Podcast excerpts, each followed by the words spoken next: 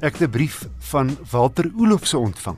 Hy skryf hy het 'n 1983 Datsun 1400 bakkie met die A14 enjin. Hy vra, kan hierdie bakkie op loodvrye petrol loop sonder om skade aan sy enjin aan te rig? En dan skryf hy hy het ook 'n 1994 Honda belade Encore wat hom nie waarsku as die petrolvlak laag is nie Dan noem hy uit verlede jare slag net R50 petrol kon ingooi en moes toe die voertuig huis toe stoot nadat dit sonder petrol gaan staan het. Ek het sy brief na Nicolou gestuur. Hy's 'n tegniese konsultant en die besigheidsontwikkelingsbestuurder by SVU Gepantserde Voertuie. Ja, wissel die kwessie van ongelote brandstof was nogals baie in die nuus 'n paar jaar terug gewees. Ek dink ons is nou al amper gewoond daaraan. Maar kom ons kyk net 'n bietjie terug en ons praat net oor die agtergrond. So Toe ons nog uh, gelote brandstof gekry het, daai lood in die brandstof is natuurlik gebruik om jou oktaan uh, hoër te maak van die brandstof. So dis 'n manier om die oktaan te lig. Ons weet ons almal kry 93 en 95 oktaan. Dis waarvoor die lood gebruik is. Maar wat die lood ook gedoen is, dit was eintlik 'n baie goeie smeermiddel tussen die klep en die klepbedding of in Engels noem ons die valve seat. So wat toe nou gebeur het, ons na ongelote brandstof toe gaan, toe's daai smering wat in die verlede daar was weens die lood is toe nou weg. En uh van die engines het ons dan toe nou agtergekom, ons kry 'n bietjie verwering daar op die klepbedding of valve seat waar die klep dan nou 'n bietjie in die materiaal invreet en dit natuurlik groot skade kan maak. Maar dis net op sekere engines. So Walter praat hier so van 'n Datsun 1400 van 1984. So kom ons kyk net gou watse engines kan dan nou hierdie ongelote brandstof hanteer en watter nie. Nou as ons kyk na die materiaal waarvan die silinderkop of die silinder het uh gemaak word, dan kry ons natuurlik dat gewoonlik hier voor die 1990s as ons kyk op 'n waterverkoel enjin was dit gewoonlik gietyster. Nou gietyster ongelukkig is 'n bietjie sag, so as jy die lood wegvat dan begin hy daar invreet. So jou gietyster silinderkop of silinderheads is daai wat vir jou die moeilikheid gaan gee. Interessant genoeg as die enjin 'n ligverkoelde enjin is, dan het hulle gewoonlik aluminium gebruik en dan omdat aluminium nog sagter is as gietyster, het hulle dan vir jou 'n insetsel of 'n insert gesit op die klepbedding wat dan maak dat die motor of die enjin dan selfs kan loop op ongeloopte brandstof sonder probleme. So enjins wat voor 19 sê nou maar 90 was wat lig verkoel is, 10101 is hulle 100% in orde om op ongelote brandstof te loop. Ek dink byvoorbeeld na jou Volkswagen Kewer masjiene. Maar as ons dan nou kyk na daai Datsun masjien, die beste is natuurlik dan om om vir Nissan self te kontak. My gevoel gaan wees dat dit nog 'n gietyster uh, silinderkop is, wat beteken um, hy is een van die probleemgevalle. En uh, wat 'n mens ook natuurlik kan doen, naamsa het 'n baie oulike aanlyn soek uh, tog wat jy kan doen om te kyk na jou enjin of jy kan hulle net kontak en hulle gaan vir jou sê van watter materiaal en of jy op ongelote brandstof kan uh, ry of nie. Maar nou wat gemaak as jy dan van hierdie engines het wat dan eintlik daai lood nodig het? Nou dis nou glad nie so dramaties nie.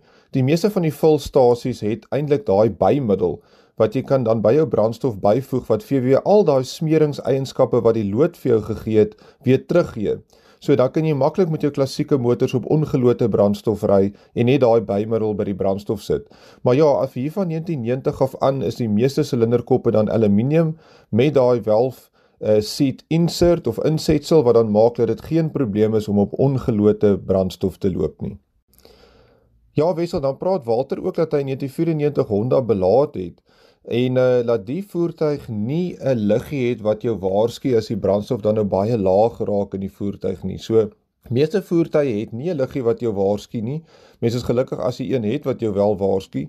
Maar uh, hy noem natuurlik dat hy redelik min brandstof in sy voertuig het en dit seker maar die ekonomie wat ook druk maar min brandstof ingooi, maar hy's bang dat hy gaan staan by die voertuig en op die ouend moet stoot. So wat moet 'n mens dan maak? So my gevoel is moet nooit te min brandstof in jou voertuig hê nie. Dis in elk geval nie 'n goeie gedagte nie, veral as daar sien nou maar 'n noodgeval kom, jy moet vinnig ergens heen kom, dan moet jy nou eers stop vir brandstof. Maar die ander probleem wat jy ook mee sit is in die tank self is daai daar natuurlik dan nou baie lug wat aan die min brandstof blootgestel word. En onthou, brandstof bestaan uit 'n klomp verskillende komponente en van daai komponente kan nou maklik natuurlik verdamp omdat die ingenieurs dit so bepaal het dat die brandstof in 'n gasfase moet oorgaan in die enjin wat natuurlik makliker maak vir ontbranding. Maar as jy nou baie lug in jou brandstof tank het en daai min brandstof sien al daai lug dan gaan van daai brandstof dan nou maklik verdamp en uit die tank uit weggaan. So die bietjie brandstof wat jy het, gaan jy nog 'n groot persentasie daarvan verloor ook. So my gevoel is as jy dit kan bekostig, hou jou tank maar redelik vol. Alwaar daar 'n uitsondering is as jy natuurlik 'n klassieke motor het wat jy min mee ry, dan wil jy nou nie hê jou brandstof moet nou vir jare vol tank daar staan nie, want brandstof het ook maar 'n rakleeftyd. So in daai geval um, is dit miskien beter om bietjie minder brandstof aan te hou of brandstof dan maar net in te gooi soos wat jy gaan ry. Maar vir jou algemene voertuig wat jy elke dag gebruik, kyk maar of jy die tank van half af boontoe kan hou. Uh ek weet dit is nie altyd moontlik nie. Maar ja, dit is nie 'n goeie idee om jou voertuig dan te ry met amper niks brandstof in nie en ek dink net die lig in die stelsel wat gaan gebeur en daai frustrasies jy moet stoot is net nie die moeite werd nie. Nicolou, 'n tegniese konsultant en die besigheidsontwikkelingsbestuurder by SVU Gepantserde Voertuie. So 3 maande gelede het ek genoem dat Nicol se maatskappy en Ford Suid-Afrika 'n ooreenkoms gesluit het waar volgens SVU Ford goedgekeurde Ranger bakkies pantser vir privaat voertuie en die vlootmark wat direk by Ford handelaars gekoop kan word.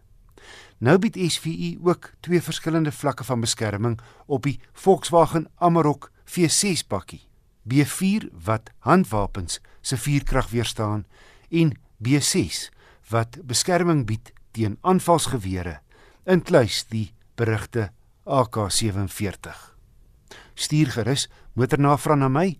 My e-posadres is wissel@rsg.co.za.